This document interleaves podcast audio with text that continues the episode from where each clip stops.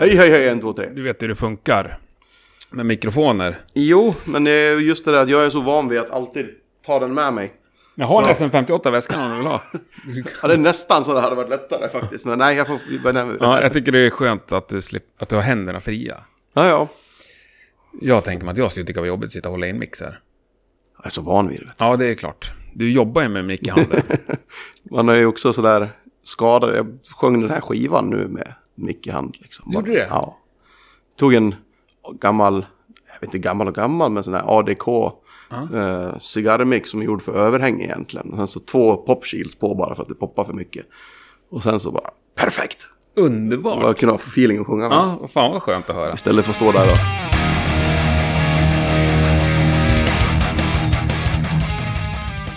Ja, då var det torsdag igen, men inte vilken torsdag som helst. Det är ju Sveriges nationaldag idag och eh, för många av oss så är det ju också Sweden Rock-torsdag. Den del av befolkningen som ligger eh, halvbakis i ett blött tält, de lyssnar säkert inte på eh, Rockpodden just idag. Men ni som är hemma i stugvärmen, ni kanske gör det. Och för er har jag en överraskning. Idag smäller vi på med två avsnitt.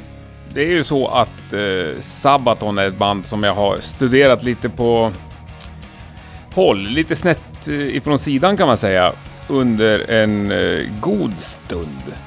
Så när jag väl tog mig i kragen att göra något kul med dem så tyckte jag att eh, det var på sin plats med eh, två avsnitt. I den här första delen så träffar vi Jocke Brodén som är sångare i Sabaton.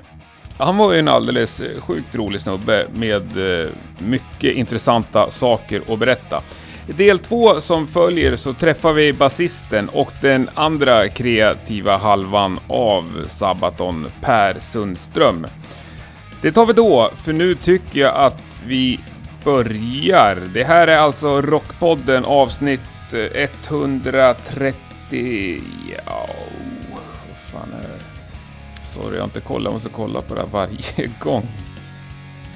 Eh, eh, eh. För tillfälle att googla mig själv ibland. 132 blir det. Du lyssnar på Rockpodden. Jocke Brodén är dagens första gäst. Jag heter Henke Branneryd och jag önskar dig en god lyssning.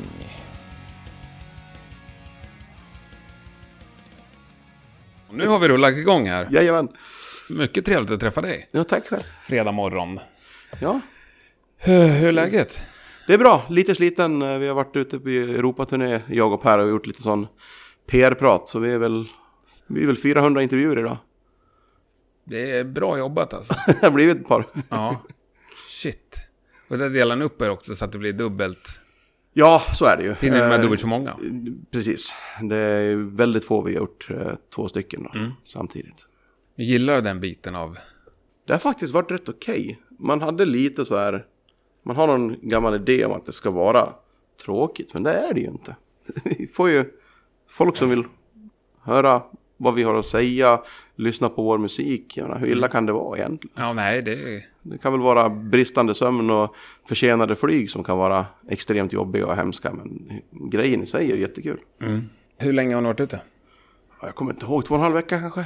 Uff. Något sånt där. Eller två veckor. Jag kommer faktiskt inte ihåg. Nej. Vi började i London för en stund sedan och så... Men det är någon som styr upp allt det här åt er? Absolut. Ja. Ehm, vi har väl inga turnéledare med oss eh, när vi väl är ute då, så att man sköter ju incheckningar och sånt där på flygplatser och ser till att man kommer fram på plats i tid. Men sen så när man väl har kommit igång på dagen då är det oftast en representant från ett skivbolag eller en publicist som tar hand om oss. Då. Okej, fattar. Ja, spännande. Lovely. Nu kommer dagens publicist med ett glas vatten här. jajamän. Två glas till och med. Vilken lyx. Tack. Ja, vad ska vi prata om då? Jag gör inget försök att säga sånt som ingen har sagt. För jag antar att du har hört allting minst 40 gånger om du har gjort 400 intervjuer. Nej, men det är väl okej. Alltså, Ja, det är ju så det blir. Det jag fascineras av först och främst tror jag när jag kollar på Sabaton, eller er då, och när jag satt som igår och förberedde mig för det här, liksom, det är ju den industri ni driver. Industri, ja. Ja, Ja, det blir mycket, mycket sidogrejer. Vi har inte bara varit de som släpper, eller ja, gör en skiva, en turné och sen tar paus liksom. nej. Utan det, det kommer så massor med saker till. Men eh, Enormt driv tänker jag att det kommer ur. absolut. Eh, på affärssidan av saker och ting så är det mest Per som sköter det. Och jag är mer på den musikaliska sidan om man säger så. Det, Är det du som skriver den mesta musiken? det mesta har blivit jag under åren. M- Mer och mer inblandning av bandmedlemmar nu på den senaste, vilket jag tyckte var skitkul verkligen. Jag hade Tommy som gäst här. Aha, Det kanske var ett år sedan, kanske ännu mer. okej. Jag kommer faktiskt inte ihåg. Då hade ni inte börjat spela in den här skivan än. Nej, just det. Nej. Men han Men- hade väl någon förhoppning om att få med något riff har jag för mig. Ja, men det är en låt som vi gjorde tillsammans med honom. Det är det? Det var, jag tror det var slutet på 2017, början på 2018. Så vi visste ju att Tommy kunde skriva låtar. Ja. eh, Men vi visste ju inte om jag och Tommy kunde skriva tillsammans. Nej. Så vi tänkte en gång när han var uppe i Falun att ska vi sätta oss ner och pröva. Och det blev A Ghost in the Trenches på nya skivan. Härligt. Ja, vad kul. Det är jättekul. Men annars är du mest. Ja, det har blivit så under årens lopp. Men är, är, du med? Ja, det är klart du är med på den här businessbiten eftersom den finns. Men kan du bli trött då på Per ibland? När han kommer. Nu, nu, Ja, ja, nu jag kan bli trött på mig också. Det, Ja. det har blivit så. Det är inget uttalat mellan oss. Men jag menar, det, de här rollerna fanns ju inte när vi började 1999. Vi gick ju på samma fester och gillade Judas Priest Painkiller och kollade på VHS med Halloween och drack öl liksom, och drömde om att vi kanske kan spela på Wacken en dag. Liksom. och nu ska ni headlina Ja, precis.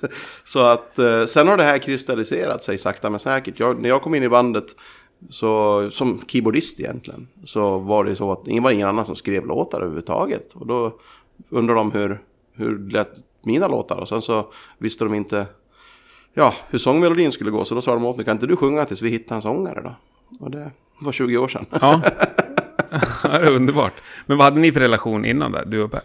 Det var egentligen bara jag som kom in som keyboardist i bandet. Eh, Jag kände egentligen ingen som är kvar i bandet idag eller liksom var med i den slutgiltiga versionen av Sabaton som blev Sabaton sen. Utan det var en kompis som spelade trummor då, eh, som jag gick i skolan med mer eller mindre. Jag menar, vi var ju 18 år när vi satte igång med det här liksom. Så att, över halva livet faktiskt. Ja, men, eh, imponerande. det har kristalliserats över åren att musikdelen blev min del och sen så Men ändå när, när Per kommer med idén att ni ska dra igång en egen festival eller eh, Ja, kryssning och grejer så vet du att det kommer Idén- bli, det kommer bli lite jobb för dig också. Jo, ja, men alltså idén för till exempel eh, festivalen, det var väl till och med, om jag inte minns fel, jag som tyckte att vi skulle göra ett releaseparty liksom. Och sedan blev det en festival tack vare att Per kan spinna en idé hur långt som helst Ja. liksom. Men ofta är det faktiskt många av de här sakerna som nu ser ut som ja, imperiebyggande för världsdominans. Det är lösningar på problem. Det är det folk tror jag liksom har en sån felaktig bild. Där, fan vad ni har satt er ner och planerat ut det här bra. Nej, det bara hände. Det är bara alla de här galna sakerna som vi gjorde som inte funkade. De gör vi ju inte längre av naturliga skäl. Så att eh, till exempel Sabatonkryssningen. Per tyckte det var helt galet mycket pengar som Silja Line ville ha. För att transportera ett hårdrocksband med en turnébuss och en släpvagn Ja. över till Finland. Han tyckte det här är ju helt galet. Det görs ju massor med kryssningar, sådana här Rocket Sea och sånt där. Vad kostar det att hyra hela färjan och leasa den och liksom göra ett eget gig? Så räknar han att med, ja, om vi säljer si och så många biljetter då kommer vi gå 0-0. Då åker vi över gratis. Ja men då gör vi det. Och sen var det slutsålt så bara, åh fan, tjänar vi pengar? Ja, det är fantastiskt ju. så att det, nästan allting sådana där saker har ju varit, ja, kul idéer. Som kanske var helt galna, men sen så snurrar man till dem eller tweakar till dem så är de inte så galna helt plötsligt liksom. Nej, det är klart. Men de flesta hyr ju inte en Finlandsfärja när de ska åka till Finland. Nej, det gör man Alltså, inte. det, det, krävs ju många steg av dels tanke, och där kanske vi kommer ett ändå lite större gäng som skämtar om det. Men att liksom, de som verkligen tar tag i och gör det, då är vi ju nere på ytterst få. Ytterst få, men det är äh, Per Sundströms absolut största styrka. Att inte bara ha idéerna, liksom, men att han kan verkligen få dem att hända. För, för honom är arbete en, en sak som han... Han jobbar ju med det han gillar mest. Det blir ju då att han tycker inte att han jobbar. Det är precis som när jag håller på med musikdelen. Att när jag sitter och skriver musik inför plattan eller gör förproduktioner eller mixar. Det kan ju vara 16, 17, 18, 20 timmars dagar ibland. Uh, men inte känner man att liksom, ja undrar om jag får OB-tillägg nu liksom. Nej. Utan det är bara kul. Det är klart det är inte kul när det blir för mycket. Men det är ju inte för Per heller. Men när, det, när man är i flowet och det är ju inte så att jag tycker att oj det har varit en lång jobbig dag idag när jag sitter och skriver musik i 12 timmar. Jag kan ju känna mig hur lycklig som helst och så känna att bara yes nu, nu fick vi till det liksom. Härligt. Ja det är kul. Mm. Känner du så med den här plattan? Ja, jag tror det. Men jag är ju faktiskt sämst i hela världen. Jag kom på det under den här resan att jag är ju sämst i hela världen att prata om den här plattan. För jag har ju varit där från sekund ett Ja. till den sista. Genom varenda process. Kanske några dagar jag inte var i studion. Men alltså annars har det varit med. Även om jag absolut inte säger att jag har skrivit allt så har jag varit med och skrivit alla låtar. Varit med och jobbat på konceptet och texterna. Det är ju jag och Per som gör. Och sedan inspelningen då är jag där som lite grann ja, projektledare kanske även ett trummor läggs om man Mm. säger så. Håller koll på att allting kommer ner på den här lilla tråkigare biten. Se till att allting verkligen kommer med i mixen. Liksom. Fastnar på, på bandet, Hamnar på säga. bandet Men, ja. liksom. Och sånt där. Eh, och sedan, ja, genom hela inspelningsprocessen. Sjunger, eh, dirigerar körer och sedan mixar. Mm. Så när en skiva är klar, framförallt mot slutet, mixning tycker jag, det är ju egentligen är kul i början, men sen i slutet, det handlar ju om att identifiera fel och eliminera dem. Mm. Så man har ju programmerat om hjärnan när man har mixat en skiva till att identifiera fel. Så att egentligen så blir ju det som man har jobbat med och älskat i flera månader jättejobbigt. För Ja. att man, man hör ju bara fel. Ja, är jag förstår. Ja, det blir ju helt bakvänt. Så, Så att jag ja. brukar undvika att lyssna på musik i alla fall.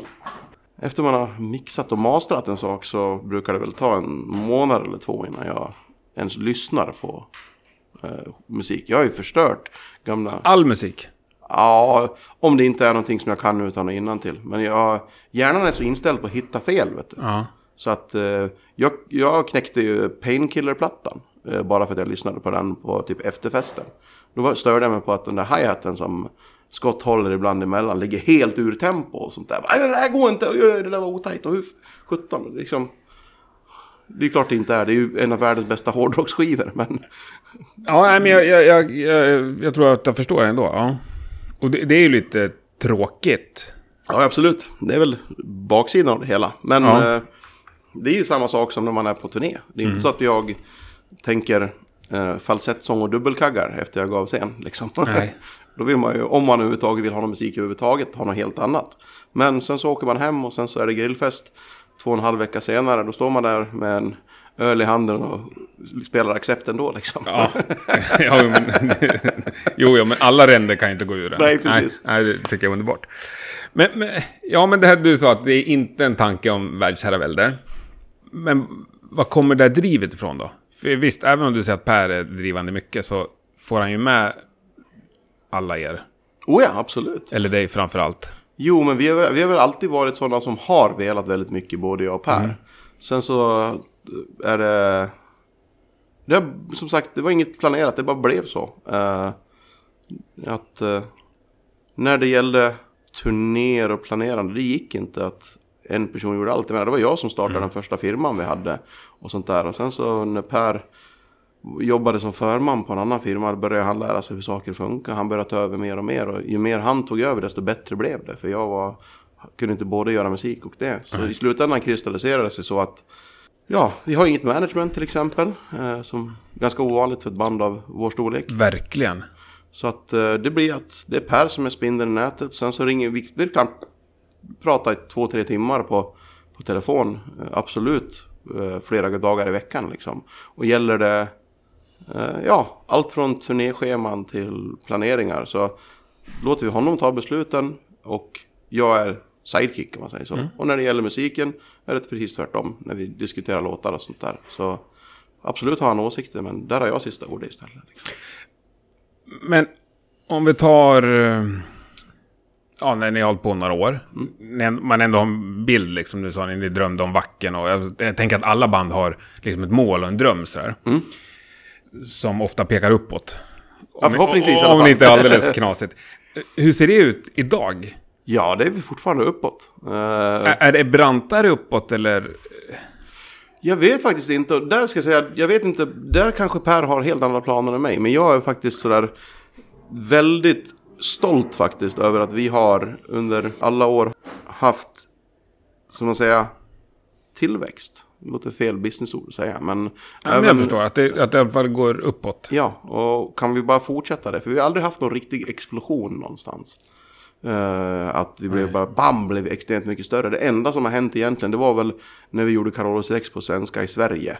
Då man nådde ut till folk utanför hårdrocksfären på ett annat sätt. I Sverige? Ja, men Ja. det är ju liksom, i Sverige kändes det som, i, i mångas ögon, som att det var den plattan som gjorde era, era just som ni nådde utanför hårdrockarna. Ja, i Sverige som är relativt litet land ändå. Ja, liksom. om man ser världsperspektiv så, verkligen. Så, men i, i övriga världen så var Carolus Rex bara en, en, en Sabaton-platta som Mm. vi blev större på.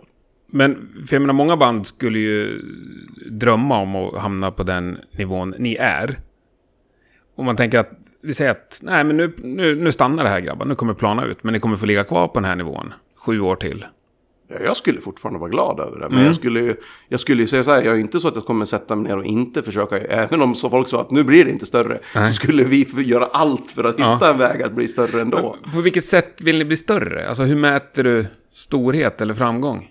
Egentligen eh, så är det väl väldigt enkelt. När man har nått dit att man bara gör spelningar.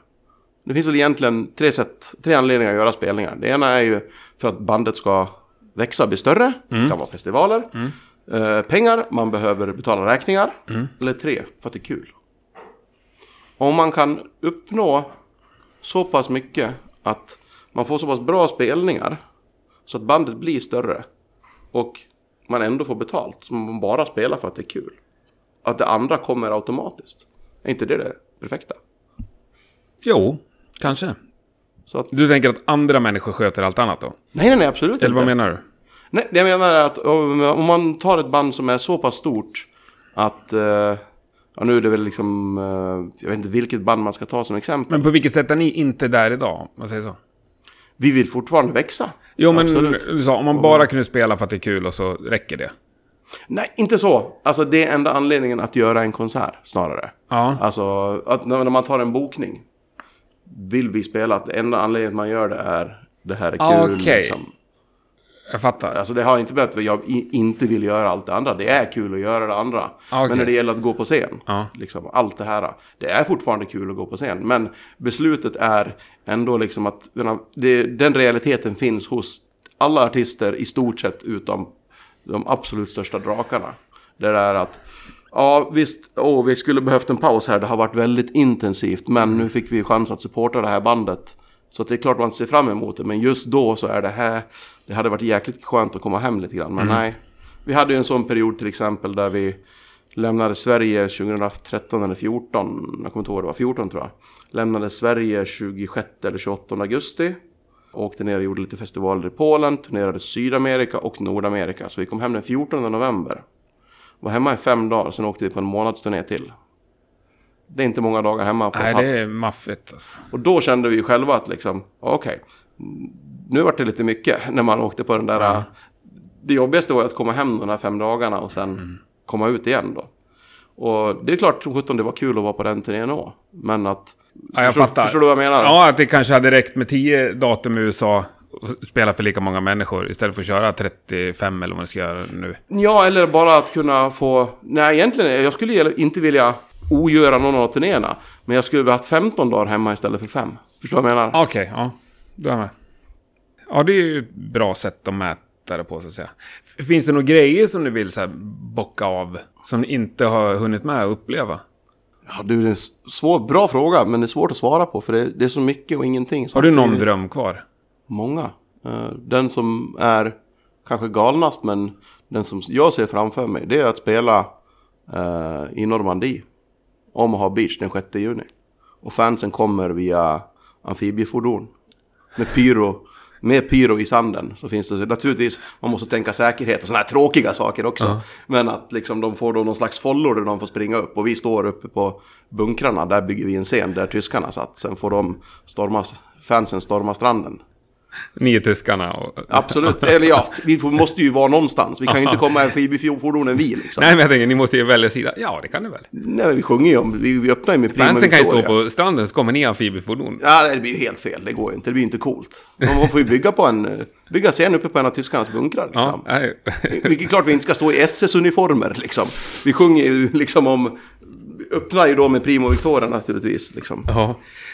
Ja, men ska vi snacka lite krig? Ja, absolut. hur, hur, hur hamnar ni på det där? Hur tidigt kom det in? Så här? Eh, Ja, det var ju kul att du sa Primo Victoria nyss, för det var väl början på det på ett sätt. Vi hade en låt som kändes lite stor och det kändes inte motiverat att sjunga om döda drakar, dricka öl eller åka motorcykel. Liksom. Så att då bestämde vi oss för att det här ska vi ha något annat för. Det behövs något stort. Och då valde vi D-Day. Och helt plötsligt när vi skrev texten så var det, ja, det var inte ett nödvändigt ont längre. För att tidigare var det så att skriva texter var, hmm, det var okej men det var inte det som var kul. Liksom. Det var musiken och, och vara på scen som var kul. Helt plötsligt så, så klickade det bara. Det kändes mycket intressantare. Låtarna betydde någonting. Och det var kul att skriva texterna också. Och man, Och det blev inte bara ett konceptalbum, utan det blev som ett konceptband nästan. Eller ja, så är det. hela, ja. Men idén var ju bara, wow, det här var kul. Ska vi göra en hel skiva om, om krig? Och sen, ja, det var 15 år sedan nu. Sen blev det kammobrallorna, sen åkte de aldrig av. Nej, nej, precis. Men de kom ju senare. Det var också en sån här lösning. Gjorde de det? Ah, okej, Ett ja. lösning på ett problem. Vi skulle spela in uh, musikvideo till Atero Dominatus. Mm. Med eh, Ove från Nocturnal Rights uppe i Umeå. Och helt enkelt han sa att ja men vi spelar in, vi bygger det som att ni är en, inne i en bunker. Och pratade lite om grejer. Sen så tänkte vi, ska vi ha våra vanliga skinnbrallor och allting på oss eller något sånt där. Tänkte vi att vi ska vara en mörk bunker. Vi kanske skulle haft något så vi syntes lite bättre. Men tanken var att vi skulle ha kläder till musikvideon, inte till liksom framtida karriären. Så kammobyxor, okej. Vi kör, eh, vad ska man säga, city camo eller urban camo eller vad man kallar det. För att det passar bättre med olika typer av ljus. Jag menar, woodland camo med rön, grönt och rött ljus blir ju väldigt fult liksom. Vad är Woodland Camo? Förlåt. Ja, skogskamo. Jaha, liksom, förlåt. brun och grön. Brunt och grönt, en ordinarie. Klassisk. Ja. Precis. Så att vi, eh, vi satte väl på oss de där byxorna och jag satte på mig ett fejkat sexpack liksom. Eh, för jag tänkte att det här gör vi för videon. Ja. Och sen var det så väldigt många som kommenterade bara, wow vilka mycket bättre scenkläder nu. Fan perfekt liksom, snyggt. Och vi bara, alright. Men ni har aldrig tänkt tanke på att byta? ja vi har ju bytt nu och uppgraderat alltså. Men det är fortfarande kammobrallor, så är det. Och sexpacket? Ja, ja, om man har en family pack i verkligheten Ja. så nu är man beroende av det liksom. Ja. Men du ledsnar aldrig på det? Eller har det blivit en sån... Ja, jag menar det är ju... Både ur säger- bekvämlighetssynpunkt, du är så van vid att göra det. Du tar på dig de här kläderna, du går in i en annan roll lite grann. Ja. Absolut, det är ju inte så att Jocke på scen och privat-Jocke är extremt olika varandra. Men det är ju naturligtvis en extrem förstärkning av galenskap och andra kvaliteter som man annars inte har lika mycket av i privat situation. Men eh, framförallt så, ja, var var jag på väg någonstans nu? Det var två poänger där. Det ena var, var frågan igen? Ja, om du hade tänkt någon gång på att byta bort det. Sexpacket tror jag. Mm. Ja, jag hade, jag hade ju en jättebra tankegång där, men den försvann ju här på vägen. Men det är som sagt... Eh, Jag kan ju säga då klart. att det är ju, oavsett, även om du är less på det eller om man tycker att det är fult eller töntigt, så är det ju en oerhört bra ja. igenkänningsgrej. Ja, tack! Nu löste du det för mig. Ja. Det var dit jag var på väg. Idag, du behöver, för att beskriva Sabaton, för väldigt många som i alla fall, ska man säga så, är inne i hårdrocksvärlden. Du behöver måla en svartvit bild, du behöver inte ens ha en människa. Du gör en mohawk, du gör ett konstigt skägg och mustasch, du sätter dit ett par pilotbriller och du gör ett sexpack med två bröstplåtar. Så frågar du vilket band det här är. Du har inte ens målat en människa. Helt sant. Då har du Sabaton. Och det är fan bra jobbat alltså. Ja, återigen, lucky, lucky shot, men det är sakta men säkert. Man, det är ju inte lucky shot att vi har valt att behålla det. Nej. Det blir ju en del av varumärket, om man ser det ur den synvinkeln. Och på gott och ont så är det väl inte så att Per skulle bli så glad om jag skulle ändra frisyr, om man säger så. jag har ju knappt några hår kvar, jag måste göra något åt det där tror jag. Liksom. Kanske få Ja, men det kan man lösa. köpa, köpa en, en död skunk och lägga över skallen. Ja. Och sånt. Så länge du kör pilotbrillen alltså. Ja, precis. Och sexpacket. Hur många sådana tröjor har du avverkat? Oj, det vet jag faktiskt inte. Jag har bytt några under åren också. De, gick, de får, går inte att få tag på längre, men det är några som har köpt tidigare. Ja, du custom gör dem inte?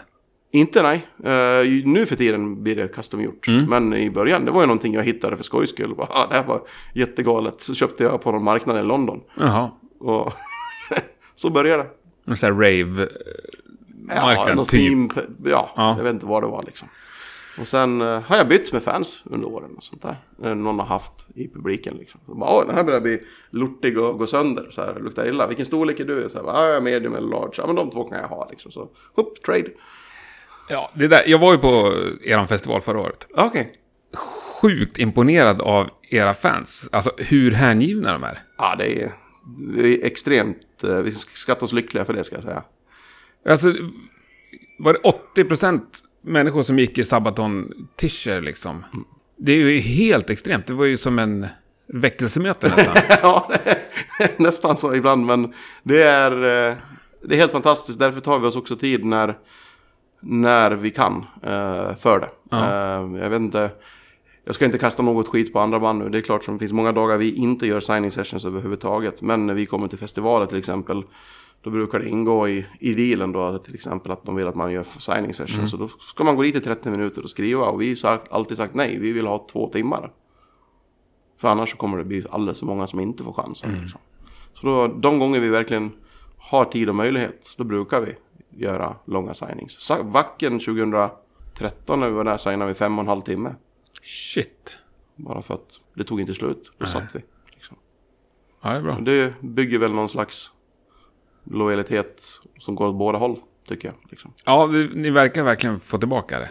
Jo, men det är som sagt, får man en jäkla massa så ska man leverera någonting tillbaka för det också. Det är ja. inte bara om att tro att man är king of the world och rulla vidare. Folk lägger tid, pengar, energi, reser över halva världen för att se konserter, ta ledigt från jobb eller vad som helst. Mm. Och sen att då gå upp på scen full eller bakfull eller att strunta i dem, att gå förbi dem när de vill ha en selfie. Det är som att pissa dem i ansiktet tycker jag. Mm. Men då, då, måste det också vara sjukt frustrerande när du inte har möjlighet att säga. Ibland ja. ska ju du gå därifrån och dit på en festival och du ska upp på scen, du har en tid att passa. Ja, och så kommer fram fyra pers och sliter i det. Ja, men då, då får man ju ta det helt enkelt och så bara... Sorry grabbar, måste springa! Mm. Och så får man ju vara så ärlig och att man bara använder det när, mm. när det behövs. Det händer ju att man kommer ut från konserter och är extremt ont i huvudet. Man kan vara sjuk, ja, mm. alltså allt möjligt sånt där. Och så är det ett par utanför.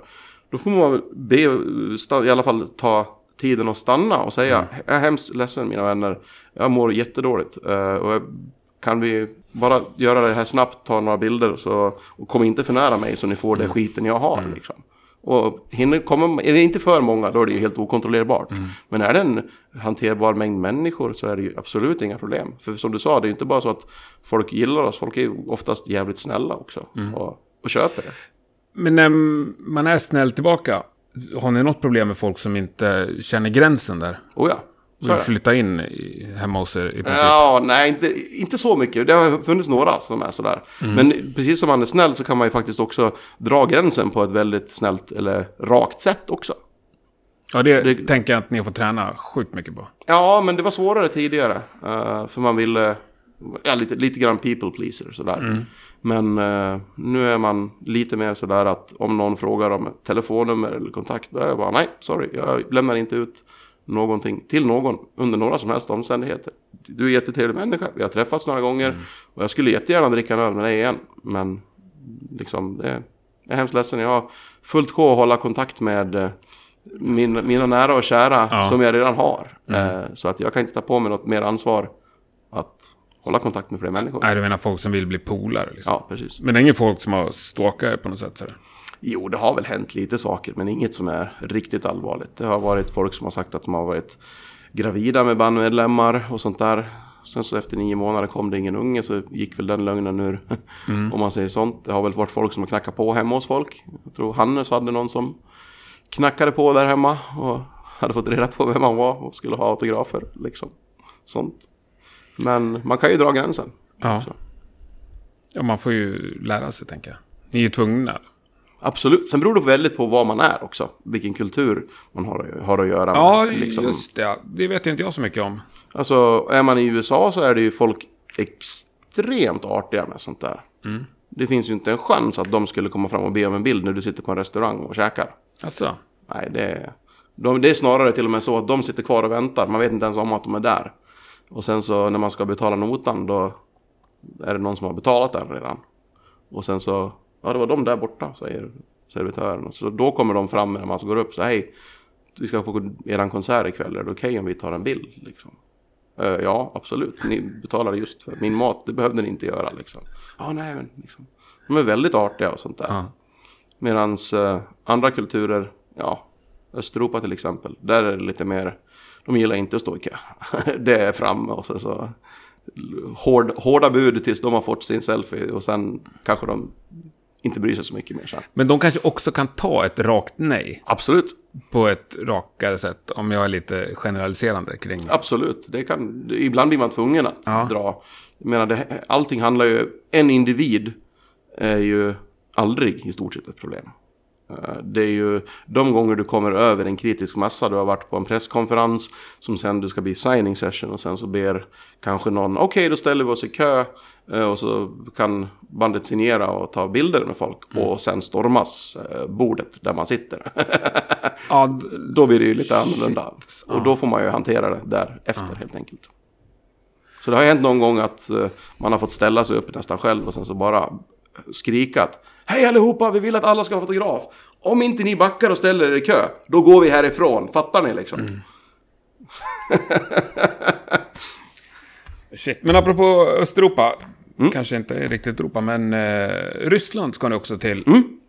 En riktig turné liksom. Ja, det ska bli skitkul. Har ni gjort någon sån förut? Ja, inte så stor med eh, vad är det, 18 konserter nu, men vi har gjort en 8-10 per turné eller något sånt Ja. där. Så att vi har väl... Ja, och redan där är det ju mycket. Mer än de allra, allra flesta. Ja, absolut. Men det är kul. 18 gig i Ryssland. Det är ju hur häftigt som helst. Ja, det är hur häftigt som helst. Det är inte många, jag, jag tänker spontant att det är ingen som gör det. Nej, men jag tänkte Någon är det väl. Men Vladivostok till Sankt Petersburg och allt däremellan. Liksom. Ja. Tänkte det är ju halva världen. hur många flygmil kommer ni bränna av på dem? Oj, det är jättemycket. Och det är Ja. tåg också. Ett tåg också. Helt fantastiskt. Åka i Transsibiriska järnvägen mellan, man tycker att de ligger nära Krasnojarsk och Novosibirsk, men det är en rejäl tågresa däremellan. Så är man där mitt i vintern och minus fantastiska grader. Stekhett inne i vagnarna. Så har varje vagn en liten sån, vi kallar den te och kaffebabusjkan liksom. Kaffe och te, kaffe och te! Kommer in och skriker på en och det är stekhett inne i vagnen, men öppnar man fönstret så är det ju minus 35 utanför liksom. Så man får uh, välja om man ska svettas eller frysa ihjäl. Och eh, ja, mitt i natten kan de stanna mitt ute i minus ingenstans. Det är bara en stuga man ser. Och sen så kommer det ut killar med skottkärror i, med glödande kol. Liksom. Sen så bara häver in lite så här små Shit, jag får magpirra där. Jag vill följa med. vedträn under, eh, under tåget. Man bara, 17 är det liksom tio gubbar med skottkärror och liksom små brasor. Och så värmer de bromsarna under, slänger in under tåget. Sen kör de fram tåget och tar de nästa axelpar då liksom. Och sen så rullar man vidare. Stenhårt ju. Men hur, hur stor produktion åker ni med då om ni åker tåg? Det beror på, ibland eh, åker tåget, eller åker produktionen på egen hand om man säger Ja, så. en last, några lastbilar. Mm. Eller på tåget faktiskt. Okej. Det har hänt några gånger. Vi har haft så att eh, man kan faktiskt göra Ryssland. De har ett sånt utbyggt system. Alltså som vägarna är så dåliga, eh, de vanliga bilvägarna Ja. på många ställen. Så är tåg och flyg den modellen. Så ibland flyger du med flygfraktgrejer. Och vi har även haft så att vi har hyrt en hel tågvagn. Så vi har haft mellan två eller tre gig. Så våra grejer åkte liksom i en godsvagn. Och sen bokar ju arrangören då så att, ja men det här tåget som ska mellan, ja om vi tar exempel Krasnojarsk och Novosibirsk. Ja men innan de avfärdas så ska de haka på den här vagnen längst bak för den ska av sen. Så åker våra grejer där. Strålande. Ja det är skitkul. Vilken världsdel eller land är roligast att turnera i? Det är olika. Jag tycker det är kul när det blir annorlunda. För att hur, hur, alltså det är ju grymt när man, är- när man är riktigt trött och saker har gått snett. Det är ju fantastiskt att komma till Tyskland där allting är i tid och saker och ting funkar. Men det är inte så jättemånga galna stories man har fått med sig när man har kommit hem från en Tysklands sväng liksom. Nej, det är inga vedeldade bromsok. Nej, precis. Utan det, det, det, sånt där händer ju i Ryssland. Galenskaper händer i Sydamerika, för där är det lite mer... Hur tänkte ni här? Eller Georgien. När, ja det var ju inte så kul då i och för sig, hela bandet fick salmonella. Eh, men eh, när man står på, de ska bygga scenen och de har byggt den helt skevt. Eh, våran produktionsledare fick ta, be dem att ta ner hela scenen för den var ju livsfarlig liksom, Ja. och bygga upp den igen. Och sen så blir det försenat så tyvärr blir det så att andra bland blev inställda. Sen när de bygger upp allting så sätter de ljusbordet på scenen. Och vi tänker att ah, ja, men det är för att de ska liksom ställa in lamporna så flyttar de ut det sen. Ja. Sen så okej, we ready now, you play. Ja men, eh, ni har ju massor med grejer på scen liksom. Ljusbordet står ju liksom synligt för alla mitt Ja. på scen. Och, och så där måste ni ju ha. No, it's better. Bara, va? Nej, ni ska väl ut i front of house? No, no, this is better. Lights on stage, closer to light, good. Alltså, ha, så vi ska spela med ljusbordet på scenen? Ja, ja, okej då liksom. Ser ut som man så spelar synt. Ja, ja, precis. Han står där och bara tittar upp i taket liksom. Ingen översikt överhuvudtaget. Backstage var eh, byta om under scenen liksom. Men det slutade. Stod ljusbordet kvar. Ja, det, Ja. det blev eh, Ja. på scen. Det gick inte att koppla om. Eller ja, enligt eh, fornsovjetisk standard som kanske inte alltid... Eh, som kan, ibland sitter lite väl djupt rotad. Så ändrar man inte på saker. Nej. Funkar. Och, och då fogar ni er så att säga. Ja, i, i det fallet. Alltså det blir ju så bisarrt och kul som man bara, ja, Mm. let's do it liksom. Ja, och liksom slutkontentan av att säga nej men det gör vi inte. Det blir ju att ni framstår som assholes Ja, och publiken. kanske att det blir- ännu mer förseningar på festivalen och Mm. att ännu ett band får ställa, ställa in. Det är inte så snällt liksom. Men hur mycket folk är ni när ni åker i Ryssland till exempel? Eller, Oj. eller USA. Har ni ungefär samma gäng? Ja, fast det Eller beror det lite på hur stora ni är? Precis. Eh, Vi är ju väldigt, eh, jag ska säga så här, ojämna eller dynamiska beroende på hur man vill Mm. välja orden. Vi är väl 40 personer om vi åker med full smäll Europaturné till mellan 40 och 50 personer eh, totalt. Full smäll Europaturné. Sedan skalas det nedåt naturligtvis. Lägsta nivån är? skulle jag tro 14-15. Och sånt. Mm. På de ställen vi inte är särskilt många. Vart är det? Ja, Georgien till exempel. Det kan ju vara ett sånt ställe. Vi, vi, vi har ju som regel, eh, liksom, eller ja, den är faktiskt uttalad, jag och Per. Det är om vi får ett spelerbjudande och har en chans att spela någonstans som vi inte har spelat förut. Och om vi inte, det inkräktar på något annat, att vi har något bättre för oss. Och vi inte förlorar pengar, då måste vi göra giget. Den regeln har levt länge alltså. Och den kan ta er till ställen antar jag? Ja, jag, helt plötsligt så här, kom, ha, Per ringer och frågar mig så här, ja nu har vi en sån här situation igen, ja vadå då? Ja vi ska ju egentligen vara inne i låtskrivarfasen liksom. Ja vi är ju inne i låtskrivarfasen nu men hur ligger du till liksom? Ja det, det, det går rätt bra faktiskt, det flowar på, har en hel del grejer här. Ja, har vi tid med två dagar? Eller två och en halv? Ja för fan, vad är det nu då liksom? Ja, Makedonien. Här. What? Det har vi aldrig varit. Ja, nej, det är dags för en sånt gig. Ja, självklart, nu sticker vi liksom. Hur kul som helst. Ja, det måste det vara tänker jag. Jag menar, bara komma dit, sen ska flyga därifrån och så säger vi bara "Äh, Hello, your flight cancelled. Men vadå då? Fog? Men dimma, det är ju inget problem. Ja, Makedonia, no ground radar. Har ingen markradar på flygplatsen så bara här. Sen så bara, ja här har du ett hotell, kom tillbaks imorgon. Ja men ni, ni flyger imorgon då? Ja om det inte är någon dimma. Då får ni stanna en dag till. Hinner man aldrig bli flygrädd när man åker så otroligt mycket? Och i Ryssland och prylar? Nej, vi har faktiskt varit så att vi har hamnat på en del som har varit lite oroande. Framförallt när man har varit i, i Ryssland och hamnat på lite annorlunda flygavdelningar och flygplan. Det är vissa som är gamla stridspiloter som då har... Jag har varit med om en gång när han gjorde stridslandning. Och det är ju inget jag skulle rekommendera. Hur ser en sån ut? Du planar inte ut sakta men säkert så här och glider dig eh, neråt om man säger så. Utan det är, du vill ju då minimera din tid exponerad för fiendeeld. Så helt enkelt störtdyk rakt ner för att sedan egentligen göra en sväng som du bromsar upp i. Och så Aha. bara ta rakt ner. Man kan, ja, du kan googla stridslandning på Ja, det ska verkligen combat landing. Stenhårt. Eh, det är inte så kul när man sitter i, eh, sitter i planet ska jag säga. Men ni gillar ju krig. Ja, jo, precis. Eh, nej, det gör vi inte. Vi tycker om historia faktiskt. Det är historia ni gillar. Ja, det ska vara noga. Inte för att jag tro, misstror att du menar något illa nu. Nej. Men med tanke på hur kontroversiella vi redan är. Att även om det var välment, vi gillar inte krig. Nej, men nu har vi dåligt med tid här, fick jag ett tecken om. ja, Så att vi, vi, då kommer vi hoppa över allt det här med Israel och det. ja så. Nej. Nej, men det är väl... Är inte det överspelat och förlegat? Ni har fått stått till svars för det många gånger. Jo, men det spelar ingen roll. Jag har ingen emot att säga någonting. Vi spelar för publiken. Jag struntar fullständigt i vad politikerna i landet håller på med. Ja, då stannar vi där. Det jag tänkte snacka om. Vad blir du allra gladast av att höra? Vilken typ av liksom respons värmer mest? Ja, glädje alltså, absolut. Uh, alltså folk som blir genuint Men, glada av musiken eller ja, berörda av storiesarna. Liksom. jag tänker att det kan vara på så många olika sätt. Liksom.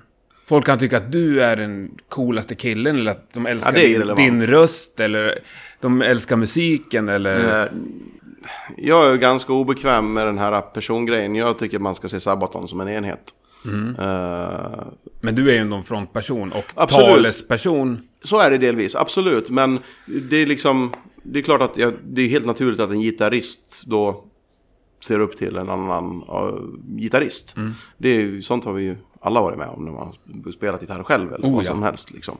Men eh, det som gör mig glad det är när folk har berättat stories. Kanske om hur, eh, hur de blev hårdrockare tack vare oss. Det tycker jag är fantastiskt. Eller hur folk blev hur de blev intresserade av historien och hur de tyckte historia var hemskt tråkigt i skolan. Men nu är det deras favoritämne. Ni har ju en historiekanal på YouTube. Jajamän. Jag hade missat den, jag upptäckte den igår. Jag ber om ursäkt. Ja, det är lugnt. Men det var ju stor ju. Det var ju bra med... Ja, det var många som kollade på den. Eh, ja, vi, vi startade den i februari och över 100 000 eh, followers sedan dess. Det är ganska snabb tillväxt om man Och säger den var så. liksom ganska seriös. Han var ju skön den här gubben som höll i det. Ja, Indy. Ja. Ja. det är ju, han bor ju här. Det är ju Indy från Money Brother. Är det? Ja. Han är historiker och Han, skådis. Liksom. han lät så oerhört brittisk. Men då måste Nej, han vara... han är från Texas. Du ser. Det är jag som är dålig på engelska dialekter. Då. Ja, nej, han kan ju... Han är ju skådis som sagt. Så Ja. han ändrar väl beroende på liksom. Ja, nej, men det var roligt. Och också ett sjukt ambitiöst projekt. Ja, absolut. Som när ni vet när ni drar igång det, det här kommer ta svin mycket tid. Mm. Liksom bara researchen och... Men det är skitkul. Men jag ska säga så här då. Vi är ju extremt passionerade om historia. Ja. Men vi är inte experter. Vi är amatörer. Så den historiska biten, det görs ju av ett helt team med historiker. Ja, det kanske jag kan ana någonstans. Men det är ändå, du kan inte bara komma dit och läsa igenom ett litet manus och köra. Nej, men det handlar ju om alla... Varje episod handlar om en Sabaton-låt Mm. och den händelsen runt omkring. Och jag menar, det är inte så att vi skriver en låt utan att ha läst på. Nej, visst, du har förkunskaper. Ja. Men det tar ju, du måste väl ha tagit tid att göra det där. Absolut. Men det är ju jättekul. Om alla de här galna sidoprojekten så är det det här som jag älskar mest. Liksom. Ja. Det är klart som sjutton att prio är ju scen musikskapande och sånt där. Men av allting som är så här vid sidan av så tycker jag det här är, det är ju fantastiskt. Det spelar ingen roll hur mycket research vi gjort.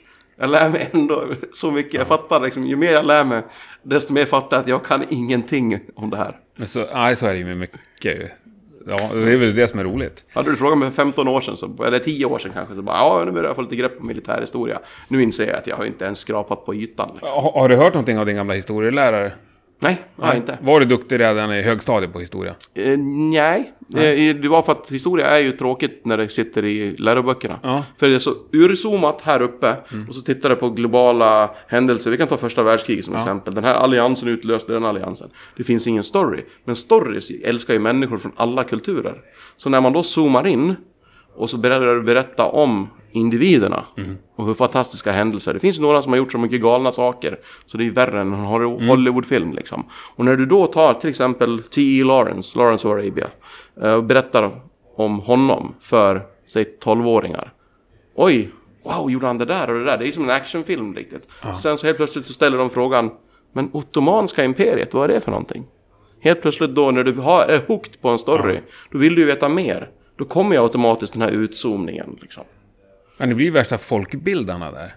Nej, det var inte planerat. Nej, men, det har ju, jag antar att det blir. Och att ni liksom tilltalar en publik som kanske inte ens går på historielektionen.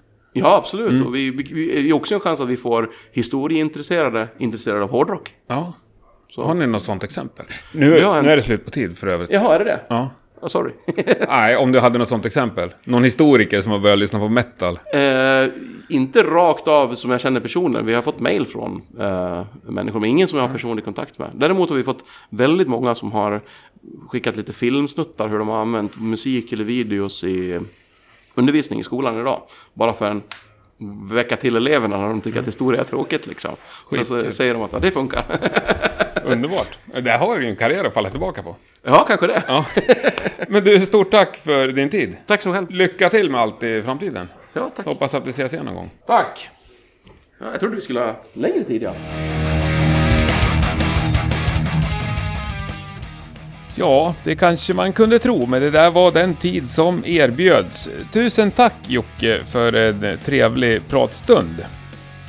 Och om ni har lyssnat nu i rätt ordning, då kan ni ju för att få ert lystmäte av Sabaton uppfyllt till max, bara hoppa in på nästa avsnitt där vi träffar Per Sundström.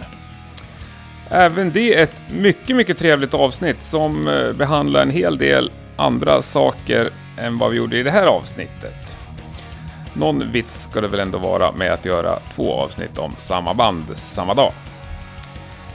Tusen tack för att du har lyssnat och om vi inte hörs om några minuter så hörs vi nästa vecka. Får vi se vad jag har fått med mig hem på hårddisken ifrån Sweden Rock. Jag kanske eventuellt har någon intervju bokad men annars så brukar det bli lite som det blir på sådana där tillställningar. Det får ni se nästa torsdag som sagt. Ha det bäst. Tack och hej för nu.